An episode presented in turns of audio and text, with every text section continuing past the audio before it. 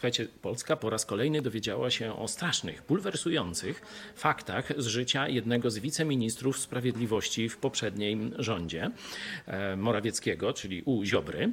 Chodzi o ministra Romanowskiego. To jest e, członek e, taki bardzo zac, za, taki wysoko postawiony organizacji katolickiej, takiej prałaturze personalnej, zdaje się, czy bezpośrednio z Watykanem związany.